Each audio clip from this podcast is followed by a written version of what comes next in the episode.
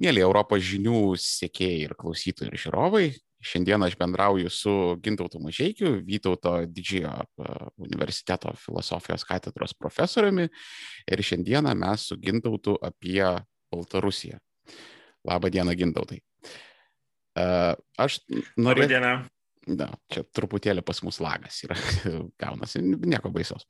Tai aš norėčiau uh, pradėti čia žinoma, e, Ramano Protasievičiaus areštas viską daug pakeitė Lietuvoje ir aš tiesiog norėčiau pradėti nuo, nuo tokios labai ciniškos gaidos, kad e, kada atėjo ta žinia, kada paaiškėjo, kad e, Baltarusija vienašališkai, visiškai nesiorientuodama jokius ten teisinius ar bet kokius padarumo principus, tiesiog iš dangaus tikrąją to žodžio prasme nukabino lėktuvą iš jo iškrapštė opozicionierių ir šiaip žurnalistą Romaną Protasievičių.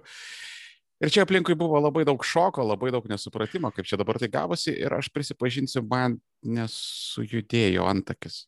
Nes aš, aš tiesiog e, prieš kažkurį laiką kurdamas uh, dokumentinį filmą apie pačią Baltarusiją, aš susipažinau su Aleksandro Lukašenkos nusikaltimais ir, na, manęs jau nebestebina tie dalykai vat, gėda pripažinti, e, klausimas, kaip, kaip, kaip jūsų ta reakcija buvo, kada jūs tai sužinojate ir pamatėte. Ar jūs toksai pat esat e, šlikštus, ciniškas dėdas, kaip ir aš, ar, ar, ar, ar vis dar yra kažkokia humanizmo? Dėja, ciniškas, dėja, dėja, ne, tikrai šitaip ne, nebus, todėl kad tiesiog čia esu jau vienam interviu minėjęs, aš turėjau gana sunkę tarnybą Šiaurės jūrų laivynę ir ten prisižiūrėjęs yra dėdovščinos e, labai labai daug. Pradžioje laivė ir pats ją tiesiog mačiau, o vėliau padėjau medikų tarnyboms fiksuoti tiesiog šitos nusikaltimus.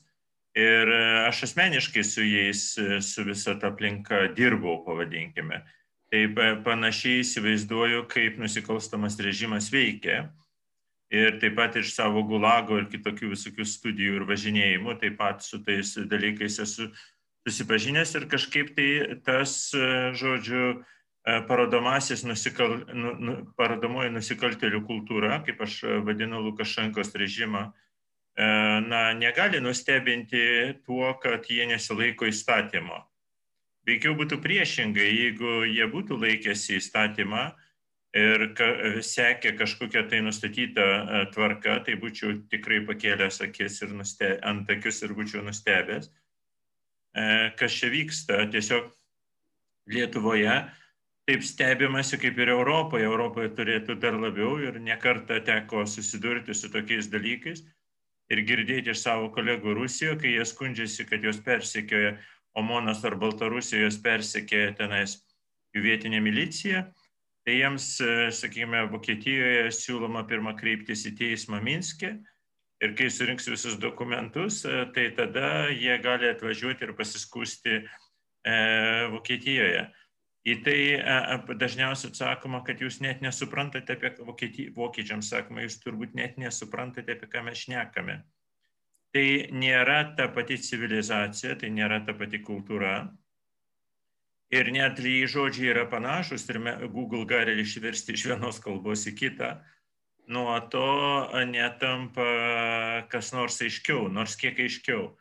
E, principas yra tas, kad veikiau Baltarusijos suvokimui reikalinga, sakyčiau, kokios nors socialinės ar kultūrinės antropologijos studijos, kuriuose tyrinėjama, kas yra prievarta ir kas yra ribų peržengimas, transgresija ir e, kaip vystosi tos e, ribas peržengiančios kultūros ir ką reiškia tuo metu, pažiūrėjau, kankinimas ir prisipažinimas. Tarkime, Protasevičius prisipažinimai, kurį nors Europoje ir net Junktinėse valstijose būtų niekiniai, e, bet kuris teisėjas iš karto paleistų po tokio tardymo, todėl kad tardymas tiek smarkiai neteisėtas, kad negalima tikėti nei vienu žodžiu, nei vienu argumentu.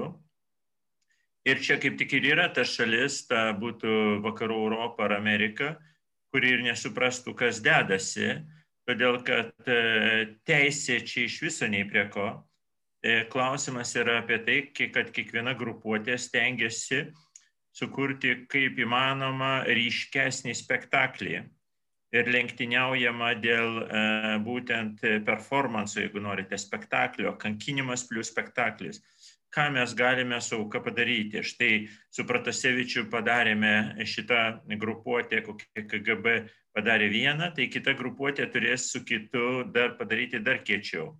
Mhm dar, dar, dar ypatingesnį spektaklį, nes jau antraip, jeigu jie tik tiek sukurs, tai bus loseriai ir atsilikę.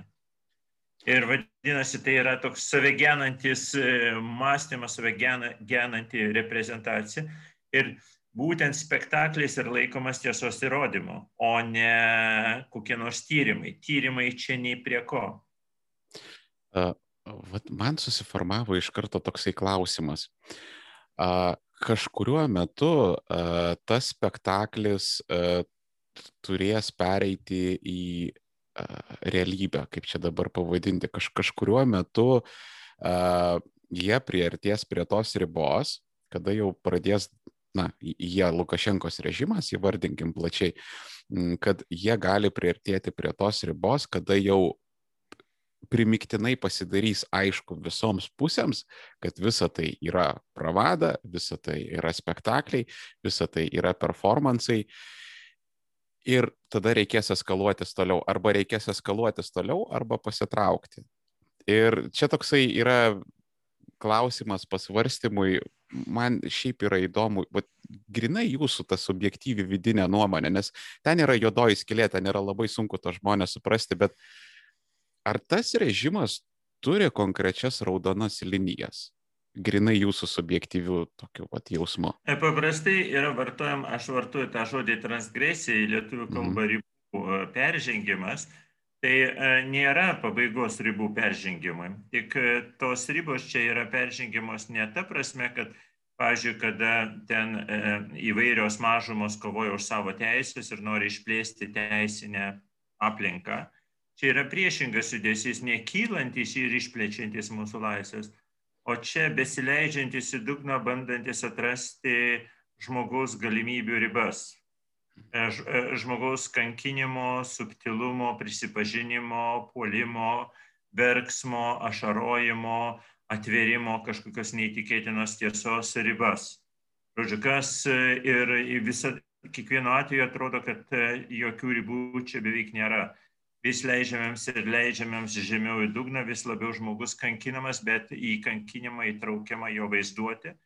Ir tada jis kviečiamas prisipažinti sudėtingiausiose scenarijuose ir žudbūtinai dar ir įrodyti tuos scenarijus. Ir aš taip pat atsimenu iš savo patirties, kad tie kankinamieji dažniausiai būdavo liepiama, kad jie dar džiugiai tai darytų, kad jie juoktųsi ir kad būtų linksma. Žodžiu, kai muša kankinamai paprastai prašoma, kad mušamasis būtų linksmas, nes nesinori žiūrėti, kad jis bliautų. Jis turi ne, ir pasiekiama gana greitai, e, žodžiu, kankinimas e, gana greitai pasiekia tą rezultatą, kad kankinamasis su a, džiaugsmu ir su šypsena ir meilė lūpomis e, prisipažįsta, E, kankintojams, tai e, tas vadinamasis Stokholmo sindromas, kada e, iškyla meilė teroristams ir grobikams dėl to, kad tave ten laiko kieti, kabutėse vyrukai ir tas kietumas paperka, tai šitoje, šitoje vietoje atrodytų, kad tas Stokholmo sindromas aiškinamas truputį banaliai, nes čia nenorima vien tik tai pripažinimo. Čia norima tai, kad tas pripažinimas būtų labai nuoširdus ir dar daugiau, kad šitas nuoširdumas būtų, kad šitas žmogus, kuris yra nuoširdus, būtų laimingas. Ir štai šitą Protasevičiaus paskutinis interviu, man atrodo, visą tai iliustruoja. Žmonės dažniausiai e, gali net nesuprasti siaubo masto. Aš kada pasižiūrėjau jo interviu, pasakiau, tai vienas iš baisiausių filmų, kokius esu matęs gaila, kad ne visi žmonės supranta, kas jame baisaus yra. Man tokia formuluotė į galvą ateina transformacinis smurtas, nes pavyzdžiui, toj pačioj dėdovšynoje yra, dėdovšynos būdavo esmė smurtauti prieš silpnesnius ir mažesnius tam, kad po to jie pavirstų į tavo klonus, kad jie po to tą disfunkciją perdavinėtų toliau. Ir aš uh, prisimenu, kad yra uh, pasaulyje tam tikrų valstybių, kur, sakysim, pavyzdžiui, uh, na, uh, lesbietės kabutėse yra gydomos uh, išprievartavimų, net toksai yra, mm, esu girdėjęs formuluotę, vadinasi kažkaip korekcinis išprievartavimas šitas dalykas, kur uh, tai vat, man, man atrodo, čia kažkas gali būti susijęs su tuo, juo labiau, kad uh, Aleksandras Lukašenka jisai niekada neslėpė labai stiprių sentimentų kariuomeniai sovietiniai ypatingai ir kolhozams sovietiniams, kurie iš principo patys iš savęs buvo tokie kaip agrariniai kariniai daliniai uh, savotiškai. Tai vat, ir, ir, ir čia man tiesiog matosi, aha. Man patinka tas transformuojantis e, e, terminas, kurį jūs e, pavartojate, visiškai tinkamas, pritariu, iš ties ir ne tik tai Didaušinos kariuomenėje, bet ir kalėjimo ir gulago atvejais visur mes matome šitas transformacijas, net ir politinių kalinių. Bet noriu priminti, kad ne visi prileidžiami prie transformacijų. Prasme, visada būdavo dar atskirties grupė, e, kurie nuo pirmos iki paskutinės dienos yra jie, žodžiu, anapus. E, Kažkokie neliečiamieji. Į neliečiamieji įvairiais kitai. Ir pamažu, žodžiu, ne visi ištveria štai šitas transformacijas ir pakliūna į štai šitas neliečiamųjų rangą. Beje, ten aišku, kad daugiau ten variantų yra, todėl kad nebūtinai kankinamasis virsta kankintoju, tas kankinamasis gali virsti vėliau taip pat atsiskyrėliu, ta prasme, nebebendradarbiauti, bet kitaip nei tas, kuris neturi jokių teisių, tai reiškia įgauti virsti brahmanu savotišku, brahmanui, kuriam jau nebereikia kankinti nieko jis jau pats yra šventasis ir, žodžiu, jis nebūtinai turi teptis rankas su, su tais silpnesniaisiais. Tai čia, bet, bet kokiu atveju, kaip matome, mes įjungėme su jumis visai kitas kategorijas. Ir šitos kategorijos kur kas geriau padeda paaiškinti situaciją. Ko gero, Protasevičiui buvo pažadėta, kad jis galbūt transformuosis jis galbūt net ir e, įtikėjo kažkokiamis tai e, galėjo įtikėti variantais, bet manau, kad jam nebus suteikta jokia galimybė šitos e, transformacijos, nes tokio poreikio, sakyčiau, tokio labai ryškų sistema nenumano tokio poreikio. Pavyzdžiui, Gulago metu iki 1945, net kokių 46-7 metų praktiškai buvo numatyta, kad kiekvienas E, gulago kalinys dėl įvairių aplinkybių, pavyzdžiui, inžinierius, gali tapti šachtos direktoriumi ir vadovauti laisviesiam ir jį prižiūrintiem e, veikėjam. Ta prasme, ir kiekvienas prižiūrėtojas apsižioplinės tą pačią dieną galėdavo būti e, labai greitai nuteistas ir pakliūti tarp tų pačių gulago kalinių.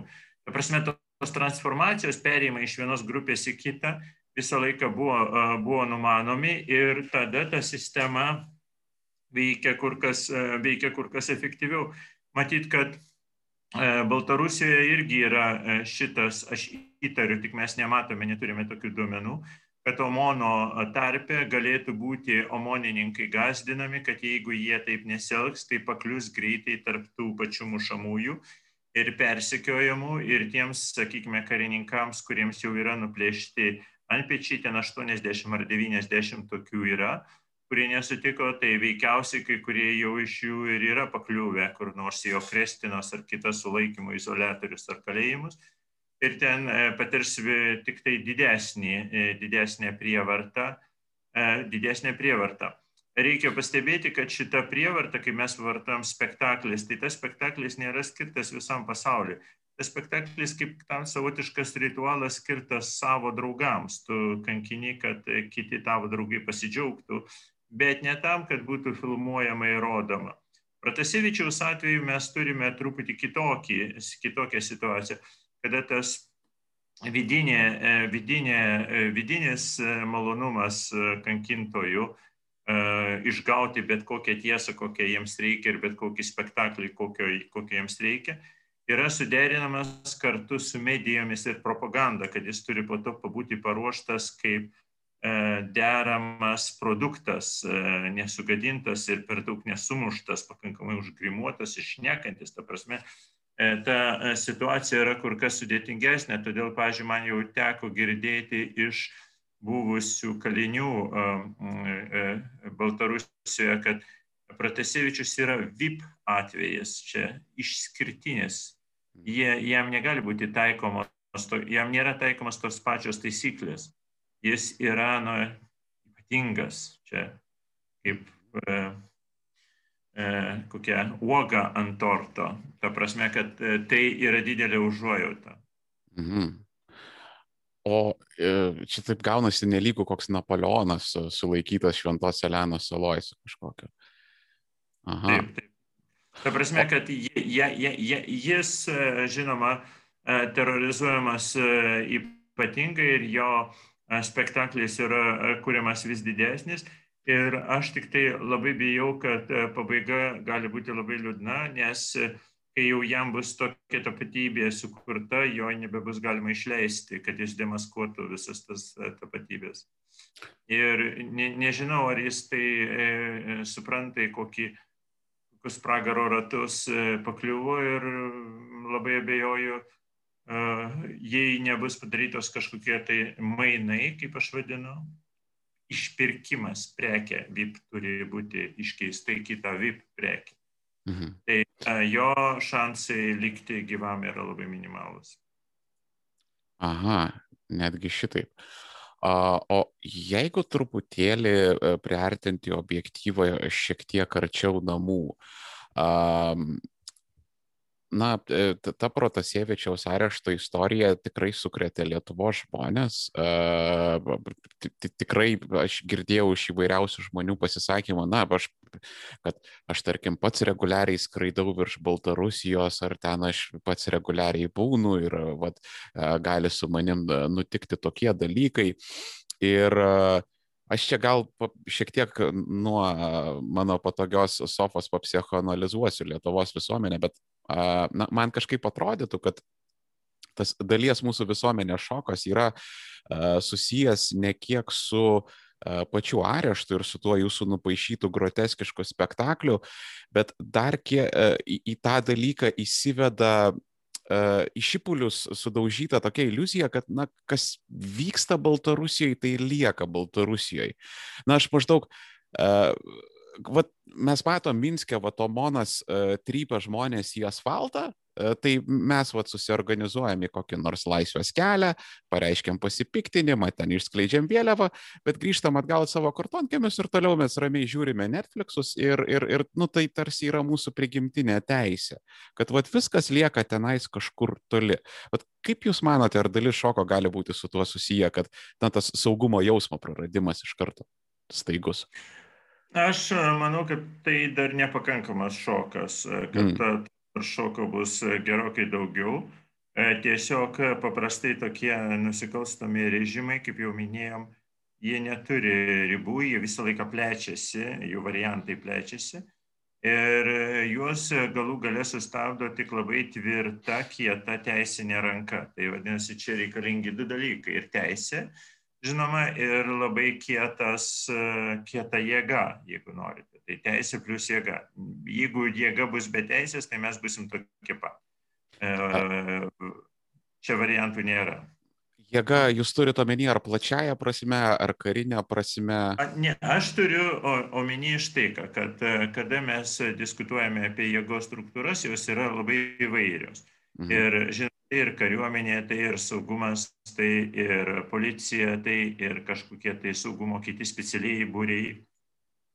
Tai ir e, panašios analogiškos tarptautinės struktūros, kur mes dalyvaujame ir e, kur kartu galime bendradarbiaudami užtikrinti kažkokius dalykus. Plus, e, tai žinoma, jau nekalbant apie tai, kad jėgos dalis yra ir sankcijos, ir jėgos dalis yra, pažiūrėjau, oro erdvės uždarimas.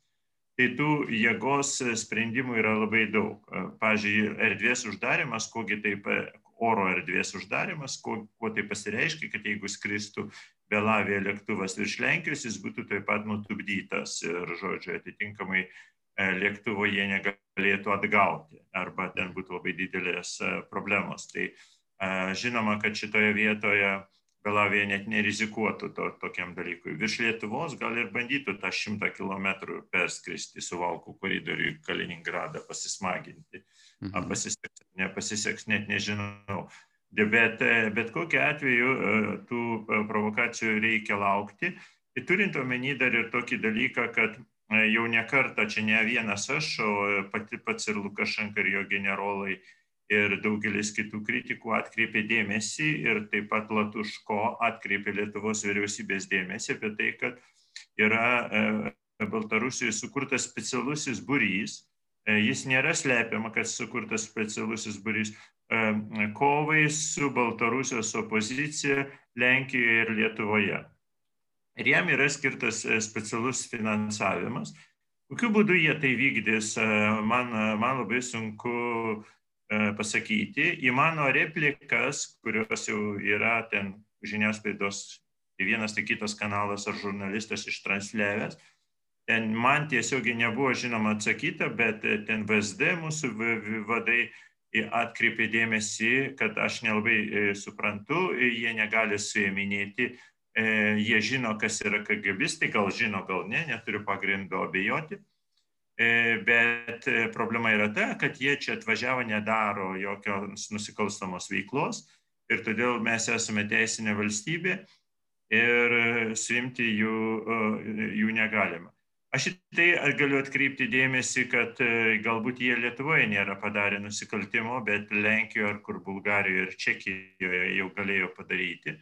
Ir vadinasi, arba tiesiog trūksta tam tikrų duomenų ir aš nesu tuo tikras pakankamai, kad e, preventuoti vieno arba kito nusikalstamo akto, kurį galėtų padaryti jų specialiai būriai, Lietuvoje negalima. Man tai nėra pasiaiškinimas. Vienintelis dalykas, kurį aš savo sakau, juk aš disponuoju tik kaip ir daugelis iš mūsų, tik atvirais duomenimis. Prasme, aš pasakoju tik tai, ką aš kadangi e, bendrauju tiesiogiai su opozicionieriais, klausausi ten Lukašenkos irgi publikos narių, skaitau telegram kanalus, bet visa tai yra, yra atviri šaltiniai. Ir e, negaliu aš nieko pasakyti, kas yra ten kokiuose specialiuosiuose šaltiniuose, e, kokie ten duomenys, ir, bet remiantis vien tik atvirai šaltiniais, tai Lietuvos pareigūnų elgesys kelia tam tikrą susirūpinimą ir visai neseniai mes matėme akcijas, kada e, akivaizdžiai su Baltarusijos e, pasieniečių žinia, o garantuotai ir su KGB žinia, yra e, pabėgėliai iš Azijos, iš įvairių šalių, jiems sudaromi koridoriai, kad jie galėtų pereiti sieną. Be to, Baltarusijos šitos KGB specialiosios tarnybos nekartai yra sakę, kad jeigu jie pagrobtų Baltarusijos opozicionierius, išvežti juos į Baltarusiją nebūtų e, jokios problemos e, ir tai sutampa praktiškai duomenys, nes jie sako, daugiau kaip pusė sienos Lietuvos ir beveik nėra saugoma, o pagal Lietuvos duomenys tik 35 procentai yra priepiami ten video kamerų, žinoma, daugiau sienos saugoma, bet skylės garantuotai yra pakankamai didelės aišku, ne kelių, o aišku, ne ten takelio, o kokiais ten miškais, pelkėm ar dar kažkokiamis vietomis. Kaip vieną juoką galėčiau nurodyti, čia kelių raistas pereina galų galiai į Baltarusiją, ten tikrai nėra nei vieno posto, bet ir nei vienam vaikščiojančiam tai nepatariu aš taip pat bristi ar pabėgėlį. Neaišku, kiek jūs tenais toli nubrisit ir kuo jums tai pasibaigs.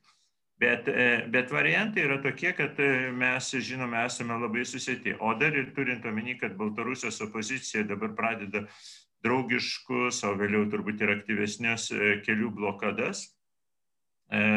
Lenkijoje ir Lietuvoje, Lietuvoje prie medininkų. Na, čia parodomos jau žinoma tokie spektakliai, bet jie vis tiek yra veiksmingi, nes uždaro kūroms kelius. Arba pri, pristabdo juos, vis tiek atkreipia dėmesį, vis tiek veikia tos pasieniečius, tai žinoma, kad tai bus akstinas kažkokioms tai operacijoms. Vienintelis dalykas, kuris, kuriuo aš tikiuosi, dažniausia tie veikiai, kurie užsima panašiais kankinimais, jie nėra, kaip Pratasevičiai taikomi, nėra labai jau išradingi savo veiksmuose. Ir greičiausiai mes matysime taip pat ne vieną anegdotinę situaciją. Man tik tai būtų liūdna, kad jeigu į tokią pat anegdotinę situaciją Lietuvos pareigūnai pakliūtų.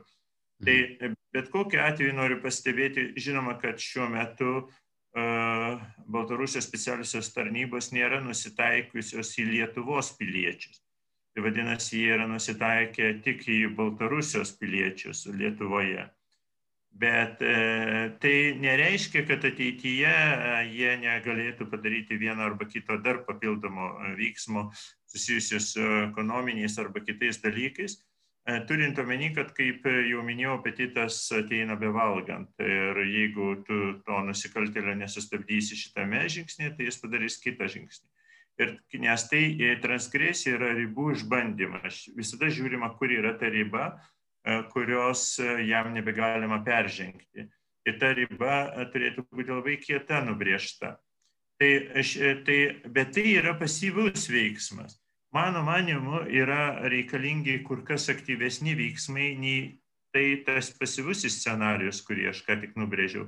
Mhm. Aktyvus scenarius sakytų taip, kad tam, kad mes preventuotumėme karą, pabrėžiu karą, e, kuris galėtų per ilgesnį laiką prasidėti ne tik tarp Baltarusijos ir, sakykime, Lietuvos, bet veikiau jau tarp Rusijos ir e, Lietuvos, Rusijos, kuri būtų jau dalis Baltarusijos ir ten surenktų kažkokį tai, kažkokią tai provokaciją, turint omeny, kad jiems tas e, koridorius su valkom, žinai, svaigsta dėl šito koridoriaus ir apskritai, kodėlgi ne, neišbandyti ten mikro konflikto.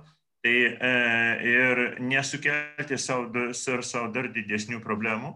Akivaizdu, kad reikalinga na, kažkokie labai stiprūs veiksmai, e, padedant e, Baltarusijos opozicijai bet tokie stiprūs veiksmai, kuriuos aš, pažiūrėjau, įsivaizduoju tokius, kad net e, padėti Baltaru, Cichanovskos aplinkai, koordinaciniam komitetui, kurti ES teisės ribose savo pačių jėgos struktūras. Kad jie patys galėtų, kad ne mes sulaikytumėme jų KGB narius, kurie tikrai nepadarė Lietuvoje nusikaltimo, bet jie padarė Baltarusijoje nusikaltimus tai tegu ir patys Baltarusija esantis Lietuvoje juos ir sulaiko. Mhm. Bus, bus sudėtingas incidentas, bet jeigu tu parodysi jėgą, tai tą jėgą iš karto numaldo e, polėje. Aš priminsiu daugelio kritikų ir mano paties apie Maidaną išvalgas, kad e, e Maidanas laimėjo ne tada, kada į juos pradėjo šaudyti, o tada, kada Maidanas pradėjo šaudyti į tuos, kurie šaudė. Tai Čia yra esmė. Čia yra labai įdomi mintis, bet tada man atsiranda automatinis klausimas, ar čia negali būti pavojus eskalacijai. Na, Žinoma. Aš, aš čia apie dvi medalio pusės norėčiau labiau pakalbėti, nes iš vienos pusės tai yra labai aš dabar pasakysiu tokį teiginį, kuris yra dažnai naudojamas pakankamai atstumenčių įvairiausių pažiūrų žmonių, bet aš maniau, jis, jisai būtų tinkamas šitoj situacijai, tiesiog ne ta prasme, kaip jie dažnai ją vartoja.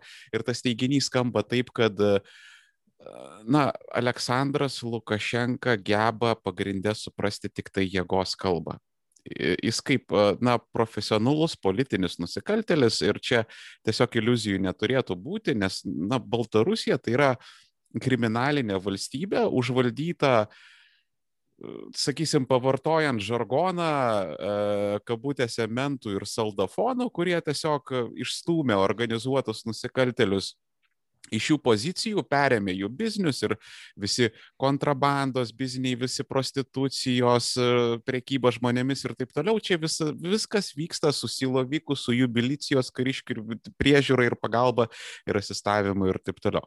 Tai visais atvejais tai yra kriminalinis režimas ir kaip daugybė nusikalstamų struktūrų, jos yra paremtos į stipresnio, silpnesnio tą santyki. Tai iš vienos pusės yra, kad, na, reikia kitas iki laikraščių ploti per veidą, bet iš kitos pusės yra ta kita medalio pusė, kad visada gali prasidėti tas eskalacijos žaidimas. Tai man yra klausimas, ar šitoje vietoje yra kokių nors formulių, kaip padaryti, kad neįsisuktų tas procesas, kad mes eskaluojam, jie eskaluoja ir po to, kad jau ten uh, bombos sproginėja Vilniaus gatvėje, apsargė Jeruzalę, čia žinoma, bet na, ar, ar yra kažkokių metodų, kad to ne, nebūtų? Na, e, metodas, kaip jau minėjau, yra tik vienas. Tai vadinasi tai, kad e, jeigu mes ir remtų ir Lietuva, e, Lenkija, kitos šalis remtųsi jėga, būtina tiesiog, kad tai būtų griežtai teisės ribose. O tai reiškia, kad reikia priimti ir tinkamus įstatymus ir suderinti tai ir ES ir tai užima laiką. Tai nėra ir negali būti prasimanimas Ir todėl Lukašenkos nusikaltėliai žinoma, kad e, bus e, kur kas palankesniai pozicijoje, nes jiems nieko derinti labai nereikia e, įstatymų prasme. Bet tai trumpalaikiu požiūriu jie žinoma šitoje šiose lenktynėse gautų, gautų pranašumą. Bet jeigu tai būtų suderinta labai griežtai būtent įstatymo ribose, tai ilgalaikiu požiūriu žinoma, kad tai yra mechanizmas, kuris e, apsaugo nuo šitos e, nuolatinės eskalacijos.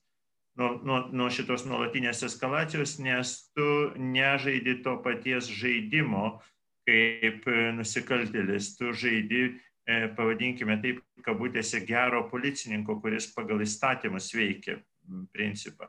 Ta prasme, tu nedalyvauji tose jo Lukašenkos pasiūlytose lenktynėse. Todėl, mhm. kai aš sakau, kad reikėtų ir Baltarusijos jėgos struktūras e, remti nei e, opozicijos jėgos struktūras, opozicijos, Baltarusijos opozicijos jėgos struktūras kurti Lietuvoje ir bendradarbiauti su jomis, tai dar yra viena būtinybė, kad jeigu jiems vis dėlto tektų grįžti namo, kad jie ne, ne, nereikėtų jiem vėl grįžti ir žaisti šitą bandytų žaidimą, kad jie grįžtų iš karto su turima, e, turimais teisės pagrindais, su normaliais, jeigu norite, pareigūnais, bent jau pretendentais į pareigūnus, su tais, kurie galėtų užimti ir tą pačią dieną užsiimti teisinė veikla, o ne tam, kad čia pat kankintų tuos buvusius omonininkus ir jie jau šokinėtų, kad neprasidėtų tas dėdavšinos ratas ir tos transformacijos viena, iš vieno į kitą, iš vieno į kitą. Tie, kurie išeis iš kalėjimo, pasodins senos į kalėjimą ir tada lygiai taip pat kankins ir čia vėl prasideda tas, e, e, tas rato sukimasis. Ir kada būna tie mažieji perėjimai tarp vienos diktatūros ir kitos diktatūros, tai būna tam tikras laikas, metai, du, pusė metų, kaip kada pereinamasis laikotarpis.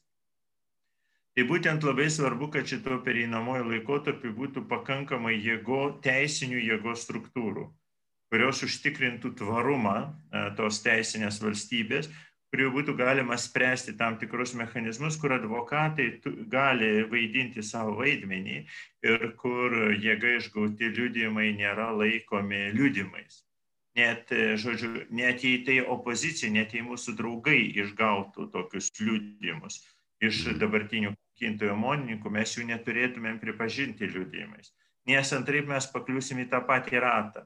Tai čia yra toks sudėtingumas, kad aš nekviečiu kerštui o kviečiu kurti e, pakankamą... Teisingumui. Jo, e, tokiam teisingumui, kietam teisingumui, jeigu nori. Kad tai mhm. būtų įgalus, bet tos įgalus teisingumas. Šiuo metu e, Baltarusijos opozicionieriai, ypač sėdintys Minskė, sako, kad tas teisingumas, kurį siūlo Europos Sąjunga, yra neįgalus Ta prasme, jis tik tai šneka apie teisingumą, bet negali jo įvykdyti, neturi priemonių jam įgyventi arba pakankamų priemonių ir visą laiką prisibijo. Tai čia kalba eina apie radikalų šitų priemonių iš, išplėtimą, bet ne tam, kad jomis mes disputu, nu, disput, naudotumėmėms kaip nusikaltėliai, mhm. bet būtent, kad e, išplėsdami teisinę bazę. Kita vertus, Lietuvos Seime aš negirdėjau tokios diskusijos, nes aš ne visada klausausi e, Seimą, bet e, ko gero, jeigu bent būtų pusė dienos tam skirta, apie ką aš kalbu, tai tikrai jau čia mes visi girdėtumėme šitą pokalbį. Tai veikiausia tokio, tokio nebuvo, tokio dalyko nebuvo. Tai, tai tok, tokia aš matau problemą. Cichanauskai šiandien skaičiau, kad tai vienam, tai kitam šiuo atveju dabar Čekijoje yra priimta, priimama kaip valstybės vadovė. Galbūt ir e, protingas veiksmas, aš manau, kad e, protingas e, šiuo atveju yra veiksmas. Tik jai pačiai tada reikėtų drąsos, bet jeigu tu esi valstybės vadovė, turi disponuoti teisėtam jėgos struktūrom. Valstybės vadovai ir atsako už saugumą valstybės, o ne už tai, kad, o nėra diplomatinės tarnybos vadovai. Jie elgesi kaip diplomatinės tarnybos vadovė, gal ir gerai elgesi, gal net labai puikiai, tai daro ir ji yra simpatiška ir mielai priimama pasaulio kraštuose, kuo aš sveikinu, ji tikrai šiuo, šiuo klausimu labai daug padarė, daugiau nei bet kas Baltarusijoje bet e, kaip šalies vadovė, kuri e, pretenduotų ar galėtų būti, tai nedisponuoja pačiu svarbiausiu dalyku - jėgos struktūromis. Ir jinai jų nekuria ir neturi teisinės bazės, e, neturi teisinio pagrindo, europinio teisinio pagrindo, pabrėžiau, ne prorusiško, kurti tokiam, tokiam struktūrom. Tai čia aš matau problemą. Ir šitoj vietoj čia beje dažnai atsiranda, e, nes e, kai tik įvyksta kokia nors e, ar spalvota revoliucija, ar Maidanas, ar dar kažką, Maskvoje įsijungia visi rūporai ir prasideda retorika apie tai, kad tie žmonės veikia neteisinėje bazėje, kad jie yra perversmininkai, kad jie yra revoliucionieriai, kad jie yra anarchistai ir taip toliau. Ir tas visas naratyvas išviniojamas. Tai kitaip tariant, jūsų siūlomas sprendimas jisai būtų preventyviai užkirsti kelią šitai retorikai. Iš dalies užkirsti jis vis tiek būtų, retorika, niekur nuo tos jos nesidėsi. Taip. Nes bet aš žvelgiu veikiau ne į retoriką reikalo esmę, kaip mhm. tas dalykas būtų organizuojamas. Retorika būtų pati įvairiausia, bet kaip visada šituose į tokiose istorijose, kad laimėtojų niekas jau po to nebe smerkia. Mm. Čia, čia perdėta vertė, perdėtas vertinimas, bet bet kokiu atveju klausimas yra apie tai, ar mes šiandien e, norime patriukšmauti, ar vis dėlto išspręsti problemą. Mhm. Tas irgi tiesa ir labai validus klausimas. E, ir e, šiaip pat jūs užkabinote tą ir opozicionierių temą, ir užkabinote, čia man atrodo, sekančią dieną po Ramano Protasievičiaus sulaikymo, berots jūsų straipsnis yra išėjęs apie šaltąjį karą su Baltarusija. Ir man toks, na, kai šaltasis karas, man tas vaizdinys iškyla, nes uh, tas frontas senajam šaltajam kare, tai ten buvo e, Berlynas, ten buvo Viena, ten buvo Roma, ten buvo nuolatinės visokios operacijos, ten, ten žmonės ten krisdavo nuo lietsargių, ten su visokiais ten nunuodėjimais keistais ir panašiai. E, ir, ir toks dviejopas klausimas. Iš, iš vienos pusės uh, ar tai bus ta tokia kažkokia mūsų naujoji realybė, prie kurios mums reikės priprasti, kaip tarkim kažkada ten a, savo laikų vakarų Berlyno gyventojai tiesiog na, turėjo susigyventi su tam tikrais dalykais. Ir a, an, antra klausimo pusė, na, jūsų, na, vėlgi, jūs jau minėjot, kad neturite tokių faktų iš VSD, bet a, ar jūsų vėl tas vidinis jausmas, ar Lietuva gali kompetitingai apsaugoti tuos visus opozicionierius, kurie čia atvažiuoja, kurie čia kažką daro e, prieš tų laisvai važinėjančių KGBistų išpolius? Na, e, pirmiausia, dėl šaltojo karo aš nemanau, kad jis bus. Aš manau, mm. kad jis yra. Ir čia skirtumas ir kad štai šitie variantai su nuodijimais prieš opozicionierius Baltarusijoje jau senai vyksta, tik tai, kad mes to nematom Vilniaus gatvėje, kad kas suskėčių ten baksteltų ką nors. Tai čia yra tik tai, sakykime, detalės skirtumai, bet pats mastas, žinoma, jis artėja prie intensyviausio šaltojo karo taško, kada sienos uždaromos visiškai, Baltarusija uždaro sienas, sakykime, pre, prekyba sumažėja iki minimumo, lėktuvų transporto beveik, beveik nėra, su kai kuriomis šalimis nutraukiami diplomatiniai ryšiai arba jie pamažu trukinėja. Variantų nėra, labai stipriai opozicija, pozicija yra skirtingose fronto pusėse. Tai čia atitinkamai du režimai, kurie tarpusavio labai stipoliniai režimai, kurie negali kartu sugyventi, ir kur prezidentai tarpusavį negali net bendrauti, tarp, nėra variantų. Tai čia visa tai yra šaltojo karo požymiai ir po to reikia sekti, kokio šaltojo karo būna provokacijos. Tai tos provokacijos nebūtinai vos Baltarusijos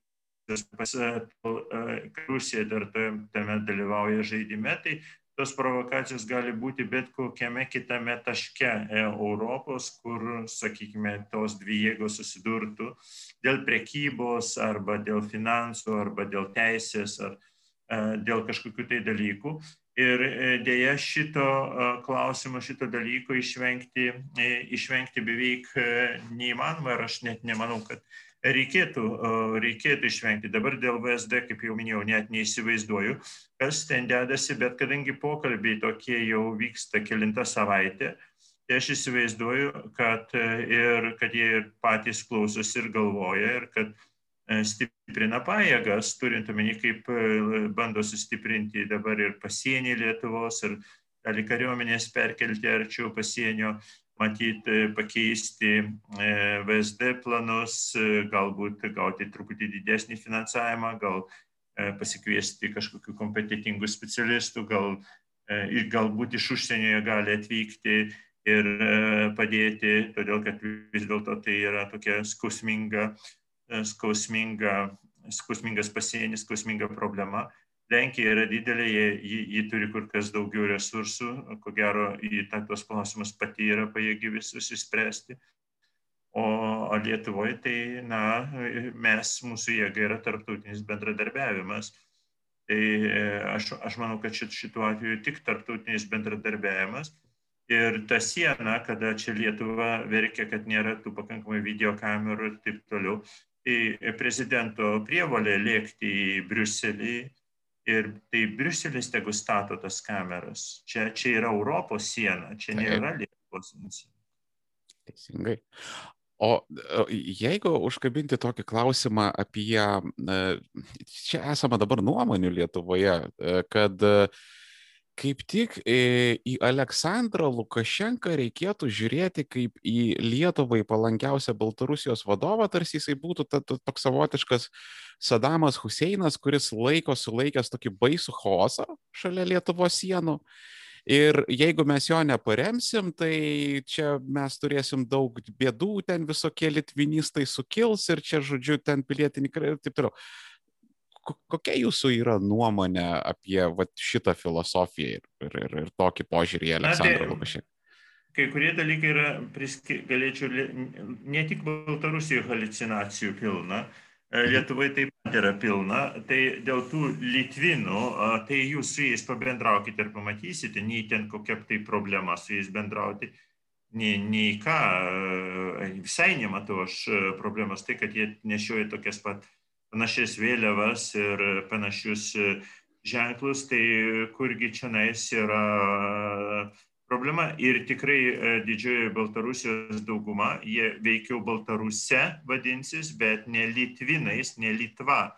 Tai e, to tas variantas, žinoma, kad populiarumas tų Litvinų, man sunku įvardyti, ten nėra jokių sociologinių duomenų, bet kai aš nuvažiuoju ir susitinku, na, sakykime, mano grupės, tai studentai būna kažkokie tai intelektualai, tai, na, aš pasakyčiau, iš 21 kažkur tai būna, iš 10, iš 15 vienas Litvinas, nu, visada ten jų daug yra.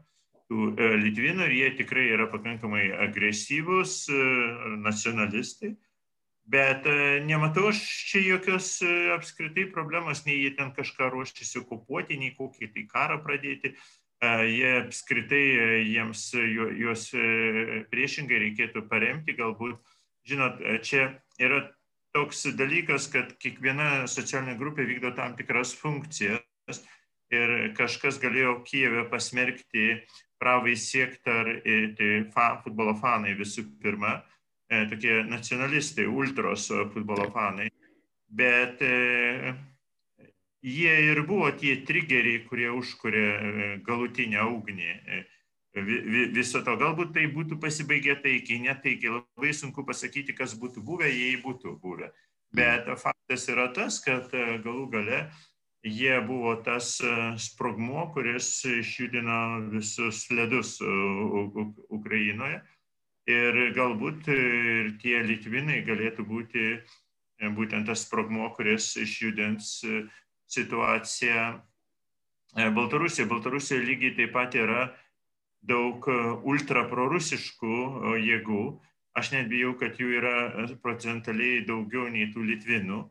Ir, žodžiu, litvinai yra pats geriausias priešnodis tiems promaskvietiškiems aktyvistams, nes tarp jų yra nesutaikoma, nesutaikomos linijos, jie tarpusavį negali šnekėtis tai e, jie čia yra tam, tam tikros jėgos ir politika apibrėžiama kaip jėgų balansas, manipuliavimas jėgomis, o ne todėl, kad sakymas, kad šita jėga mums bloga ir todėl mums jos nereikia. Neturėsim šitos jėgos, ne, nebus balansų. E, todėl e, reikalingi jie. O išnekant apie tas promaskvietiškas jėgas, nes aš irgi esu girdėjęs tų pačių argumentų, kad, e, na gerai, jeigu ne Litvinai, tai tada ten, e, na, grubiai išnekant, promaskvietiška opozicija nuvers Lukašenką ir dabar jie apsijungs tenai su Baltarusija, tada jau galutinai apsijungs su Rusija ir tarsi tas uh, Lukašenka yra suverenios ir nepriklausomos Baltarusijos uh, garantas.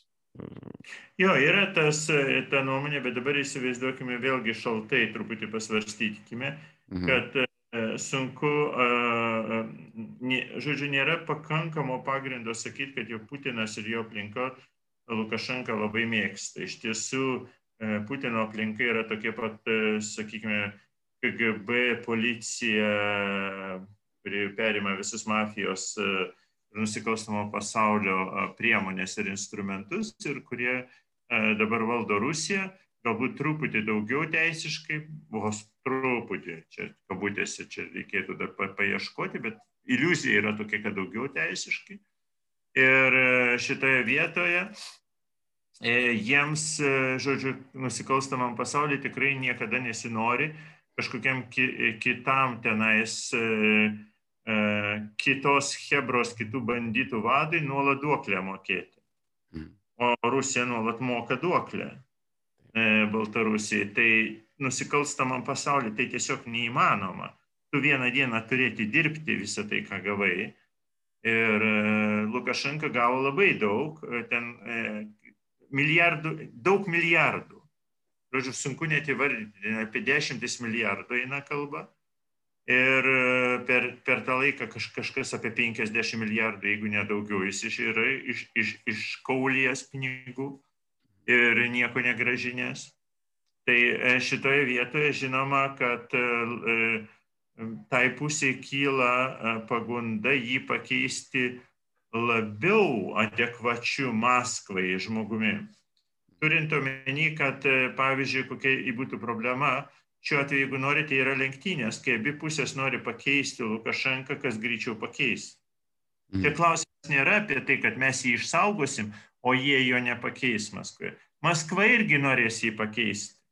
Ta, mhm. ta prasme, negali galvoti 20 metų senumo istorijomis. Prieš 20 metų jis buvo kažkoks tai nepriklausomybės keistas kolhozinis nepriklausomybės garantas tik todėl, kad Lukašenka iš ties visada svajojo būti pats vietoj Jelcino ir pats valdyti Rusiją. Ir tik todėl jis buvo nepriklausomas, jis jautėsi stipresniu. Bet dabar iš ties situacija yra labai sudėtinga. Aš nemanau, kad, aš nemanau, kad mes su jumis įvardėm visas, visus žaidimo dalyvius ir teisingai apibrėžėme būklę, turint omeny, kad mes nežinome iš ties, kokia yra paties, koks yra pats Kremliaus stabilumas šiuo metu. Yra labai blogi gandai apie Kremliaus stabilumą ir apie artėjančius pokyčius. Bet gandai, kaip visada, yra tik tai gandai, kuriais negalima pasitikėti. Bet e, problemos yra tokios, kad e, pamatysime, žinoma, Putino ir Baideno susitikimą, jeigu jis įvyks. E, žada, kad įvyks, bet nebūtinai įvyks. O kodėl nebūtinai įvyks? Todėl, kad Putinas bus visą laiką filmuojamas. Mhm. E, be montažo. Noriu A. pastebėti, kad e, Putino jau daug metų be montažo niekas nemato. Mes matome Putiną ištraukas 5, 10 ar 15 minučių arba kažkokiai tai vienoje vietoje nekrūtinti ir kuris ten rankose laiko pieštuką ar ką nors, kad e, rankos nedrebėtų. Ir žodžiai jisai tada šneka ir mes negalime pasakyti, ar tie gandai apie jos sveikatos būklę yra tikri ar melagingi, nes neturime vaizdo filmuoto. Nėra ką analizuoti. Yra tik, tik montažas. Na, aš, aš tai e, vėlgi irgi noriu atsiremti jūsų teiginius, kad yra gandai ir yra labai sunku tą dalyką analizuoti, bet net stebėdamas tą uh, kruopšiai atfiltruotą turinį, aš matydamas, koks Vladimiras Putinas e, pastaruoju metu jo yra laikysena pasikeitusi, jo yra jis atrodo labiau pavargęs, jis, jis atrodo turintis mažiau energijos ir aš e, net savo esu tokia išvedęs analogiją, kad man atrodo, kad šiuo metu Vladimiras Putinas yra toks uh, pasportavęs, e, steroidų gavęs, botokso gavęs, veido patempimą gavęs Leonidas Brežnevas. Iš esmės. Ir e, toks e, vienas iš opozicinių Rusijos veikėjų, toksai Dmitrijus Potapenko, jis labai dažnai kartoja tokį dalyką. Sistemos įkaitas, vat, jo konstruktas yra, kad jau jisai lygiai taip pat kaip Brežnevas, aš es, es, esu nesikis skaitęs, kad E, Brėžnevas jau prieš savo mirtį, jau ten keletą metų, kažkur maždaug 5-6 metai iki savo mirties, jis maldavo politbiuro, kad sako, jūs paleiskit, prašau mane. Aš, aš jau pavargau, aš nebegaliu ir ta Brėžneva tiesiog jį e, pripumpuodavo benzedrinu ir amfetaminu tikrąją to žodžio prasme, kad jis ten ant to mauzolėjaus vertikalus ten galėtų pamasuoti tą rankytę. E, šiaip ne. Taip, taip, tai šiuo atveju kaip tik prieš susitikimą su Baidenu, kur Baidenas irgi ten ne jaunuolis, bet ne. nebeieškam. Tai e, Putinas turi būti pripumpuotas visų amfetaminų ir taip toliau, bet su garantija, kad, pavyzdžiui, keturias valandas ištvers. Mhm. Ir nes tai būtų katastrofa, absoliuti pasaulio katastrofa, jeigu jisai nugriūtų, arba jeigu pasi prasidėtų koks nors priepolis ir išnekėtų nesuprantamus dalykus, pasilaikas nuo laiko būna dabar jau nuvažiavimai tokie, kad vienas kitas sakinys pratrūksta nesuprantama, nelabai aiškia kalba. Ir šitai, tai čia yra susitikimas. Ir Lukašenka tai žino. Aš, todėl mes visi matom, kaip jis bravūriškai su Kremlium laikosi. Mhm. Tai jis net eterį yra pasakęs, kad Putinas jau nebe tas. Taip. Nebėra ko bijoti jam jo. Aš noriu Jis... dar pas... Aš dar noriu pastebėti, kad e, nors jisai netrodo, bet Lukašenka, man atrodo, porą metų net jaunesnis yra. Ir e, jau Vladimiras Putinas ir Lukašenka jau jie po truputėlį darosi to amžiaus, kada porą metų yra skirtumas čia žmogaus gyvenime būna vat, e, paauglystės laikotarpis, kai, sakysim, ten tarp 16-mečio ir 18-mečio gali būti šviesmečiai skirtumas. Ir jau jie eina į tą amžiaus laikotarpį, kai čia vat irgi ir, ir, ir Lukašenka irgi žaidžia šitoje vietoje, mano nuomonė. Jo, tai visi ir taip pat yra įtariama toje vietoje. Tai kaip jau minėjau, yra labai daug e, nežinomų ir e, sudėtingų detalių. Ir mhm kompozicija žaidimo yra, joje dalyvių yra žymiai daugiau, nei mes čia dabar su jumis įvardėjome. ir jų elgesys yra taip pat kur kas, kur kas įvairesnis. Ir, na, tiesiog sunku atspėti. Pavyzdžiui, dabar Lukašenka pasikvietė, galbūt čia tik tai reklaminis gestas, iš Luhansko atvykti tardytojus, apklausti e, e, Rasevičių, kad e, Protasevičių, Protasevičių. Tik tai aš nežinau, ten nei prasmės, nei ką, tai veikiau yra gazdinamasis gestas, bet pats savaime tas pakvietimas yra labai įdomus, turint omeny, kad iki to laiko jis tikėjosi, kad Minsk, kadangi Minske vyksta dėrybos, Tai todėl jokių tokių ekscesų prieš Kijevą negali būti. Dabar jis imasi žingsnių prieš Kijevą. Mhm. Kijevas neprastai prigazdino Lukašenką. Nedaryk šito, nedaryk šito, nedaryk šito. Pokalbis tampa tarp Kijevo ir Minsko vis kietesnis. Daug kietesnis nei tarp Vilniaus ir Minsko. Reikia pastebėti kad jei Vilnius iš neužsiema, e, mūsų prezidentūra neužsiema tiesioginiais ir nuolatiniais Lukašenkos gazdinimais. Mes negazdiname, mes sakome, būtų gerai tą, tą, tą, bet nesakome, kad jeigu tai elgsis ne šitaip, mes tau padarysim tą ir tą, tą ir tą ir imsimės tokių ir tokių kietų priemonių, labai kietų priemonių. Tai Kievas tiesiogiai gazdina, kad jisai nedrįstų daryti šito ir kito ir kai jiems Maskva nenuro, nenurodymas, ta prasme, kad mes visą laiką minėjom tik tai šiuo atveju e, at, e, e, Varšuvą ir Lietuvą. Iš ties šitame žaidime truputį dalyvauja ir Latvija labai aktyviai. Truputį, bet aktyviai, tokia ma mažais, sakykime, ma mažais žingsniais, bet kietais žingsniais ir e, labai stipriai dalyvauja Ukraina, kuri e, Balta, e, Lukašenkos pakeitimą promaskvietiškų veikėjų bijo kur kas labiau nei Lietuva. Mhm. Ir jie yra daug labiau suinteresuoti, kad įvykiai nevyktų taip tą blogą linkme, kaip mes šiandien visą laiką mastome, Ir žinoma, kad šitoje vietoje, kaip jau sakau, reikia kooperuotis visiems. Reikia A... kooperuotis.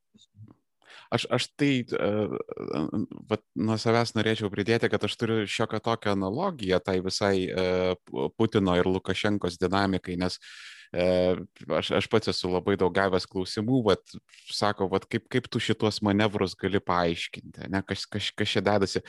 Ir uh, man iš karto į, į galvą šoka toksai vaizdinys, kada būna tokios, žinot, disfunkcinės poros, kurios uh, jos mušasi, po to pasimušusios jos karštai mylisi, po to jos skiriasi, po to jos būna neištikimos, po to nebūna neištikimos, po to taikosi, po to ženijasi, po to mėtosi iš daiktų, po to daužosi, po to degina vienas kito daiktus ir ten, na ir, ir, ir visi savo Facebook'o profiliuose užsidėję, it's complicated.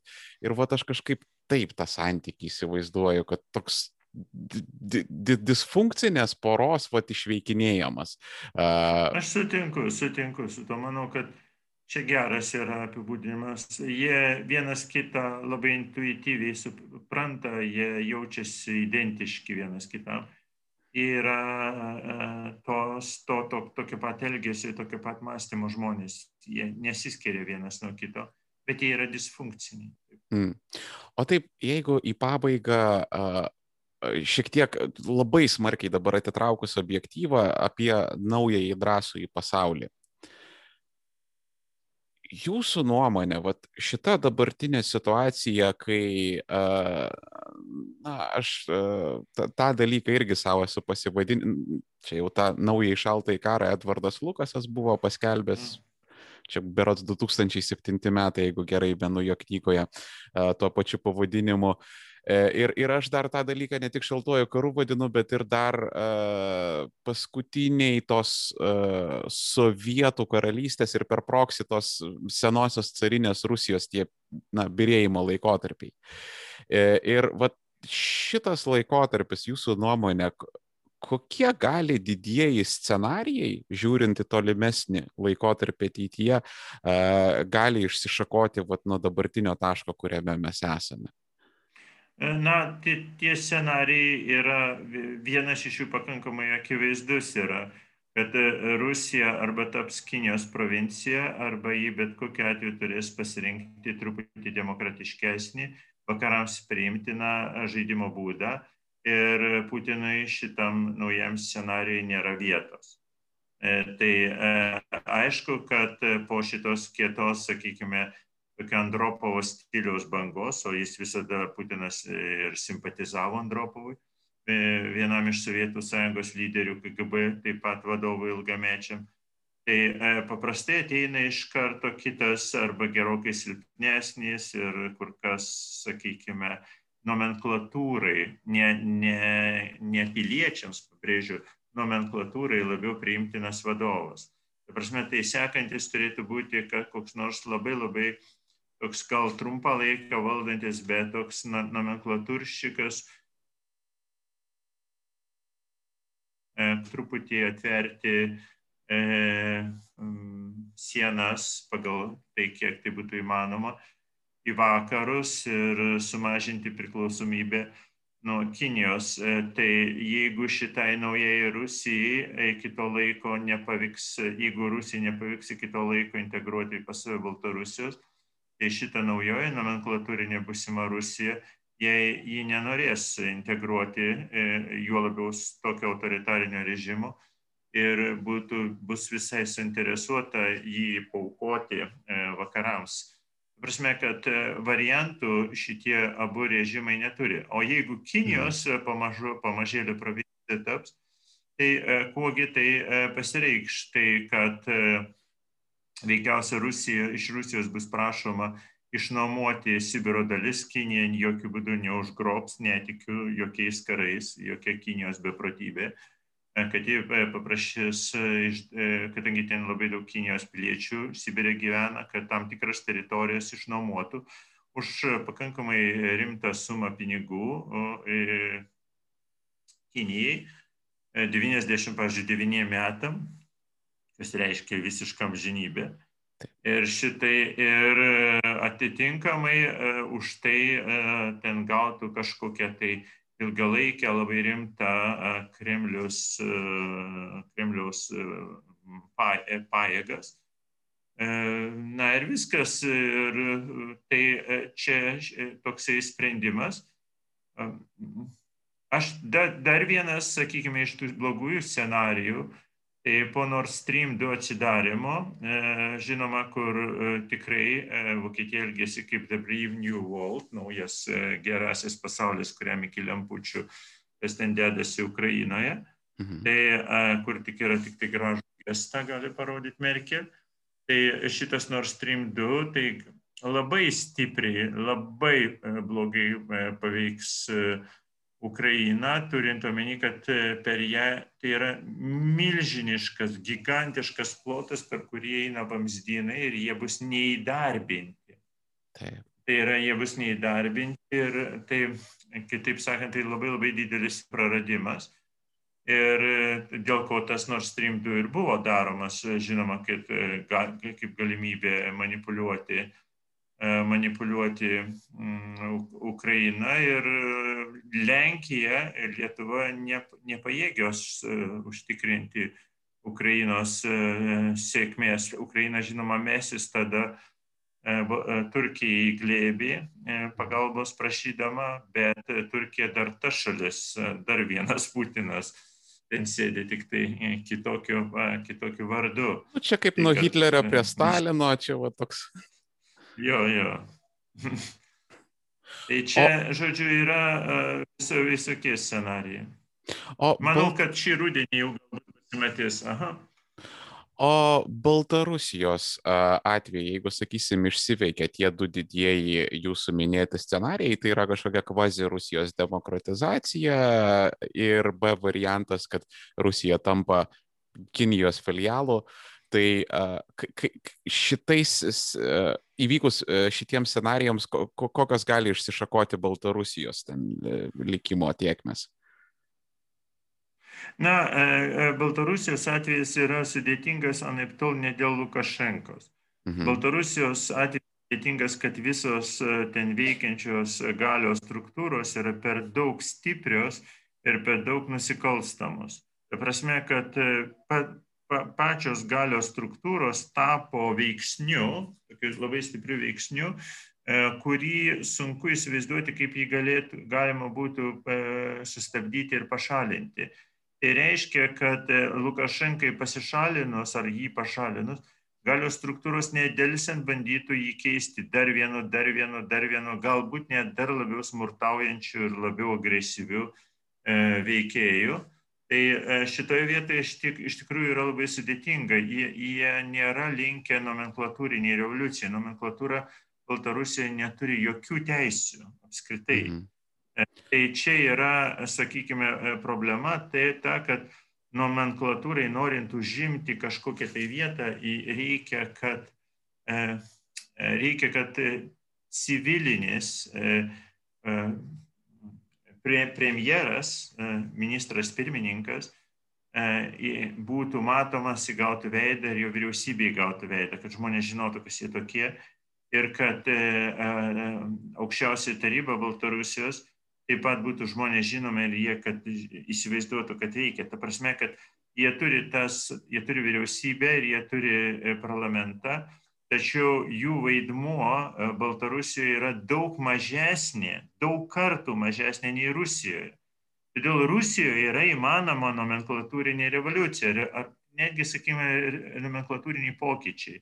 Mhm. Ten, ten yra nomenklatūra, partinė nomenklatūra, kurie ten visą laiką dalinasi krėslus tarpusavį ir, žodžiu, stumdosi. Jie dar nėra sunaikinti jėgos struktūros dar nepasiglemžė Rusijoje nomenklatūros. Nomenklatūra dar gali grįžti į valdžią.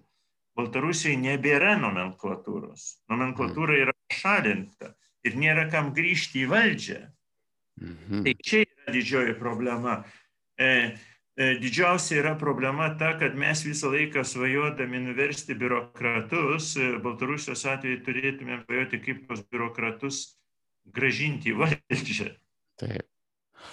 O aš esu girdėjęs tokių uh, pamastymų, kad uh, Baltarusija gali virsti į tokią dabartinę Venezuelą, kur, uh, grubiai išnekant, nuolatiniai protestai, nuolatinis vidinis pasipriešinimas, valstybė po truputėlį yra degraduojanti ir nykstanti ir uh, yra ten kažkoks metaforinis Maduro, kuris atsiriamia į kažkokio prieš tai buvusio uh, Čiaveso kultą, kur čia, sakysim, jo, galėtų būti, sakysim, Batkos kažkoks kultas. E, ir e, tiesiog, na, labai ciniškai, tol, kol tau užtenka pinigų omonininkams ir silovykams, tol tu galėsi po kontrolę laikyti dalykus. Ir e, yra vėlgi manančių, kad dabartinis va, tas Baltarusijos užsidarimas, e, tai gali būti susijęs su tuo, kad tokia vene, venezuelizacija, o gal tiksliau būtų albanizacija tokia savotiška. Tai jūsų manimo, ar čia yra pagrindo tokioms na, prognozėms? Aš, aš manau, kad e, taip, išskyrus vienas toks šaltinis, čia veikiau panašu į Šiaurės Koreją, sakyčiau, mm. kur Šiaurės Koreja visada truputį maitinama Kinijos, kad nesužlugtų.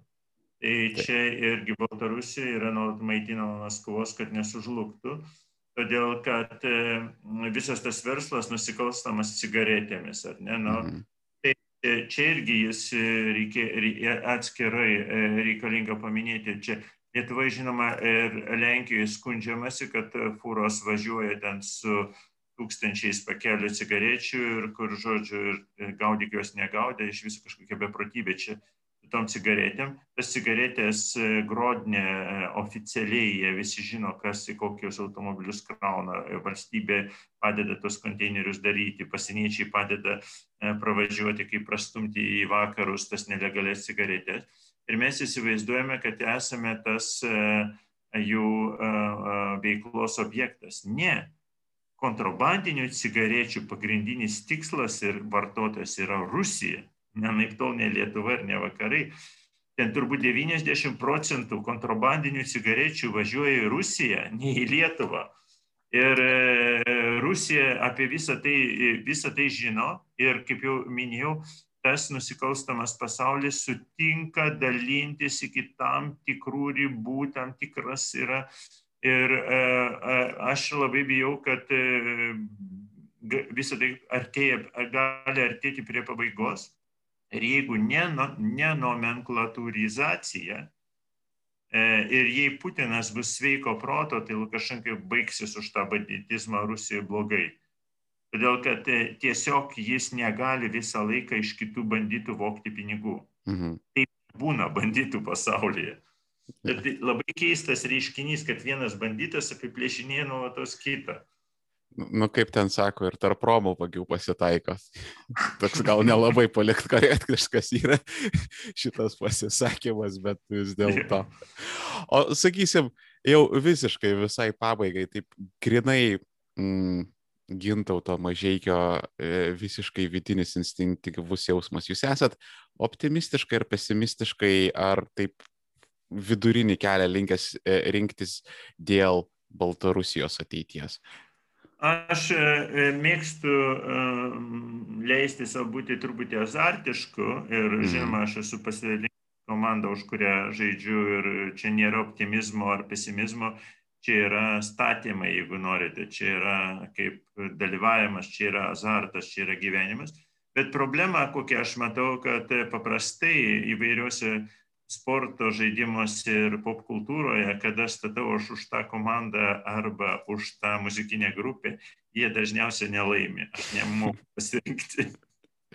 Tam tikrą prasme jūs esat predikcinis įrankis, kol žiūri atvirkščiai. Jo, jo, jo. Tai sakau, jeigu jūs matot, kad aš kažką, kažką mėgstu ir už kažką statau, tai labai didelis variantas yra, kad tie žmonės ir pralaimės man tiesiog iš nemoku, aš visada pasirenku, žodžiu, yra variantai, kaip aš sakau, mąstyti, tu gali mąstyti pagal statistiką ir pagal širdį. Mhm. Tai e, pagal e, širdį turėtų Cichanauskojos aplinka laimėti, o pagal statistiką Maskvos statytinis. Mhm. Supratau. Ir ta turbūt pozityvia gaita, gintautai mažiekiai buvo absoliutus malonumas. Ačiū Jums labai. E, mėly žiūrovai ir klausytojai, šiandieną atsisveikiname iki kitų ir sekite Europos žinias. Ačiū Jums labai.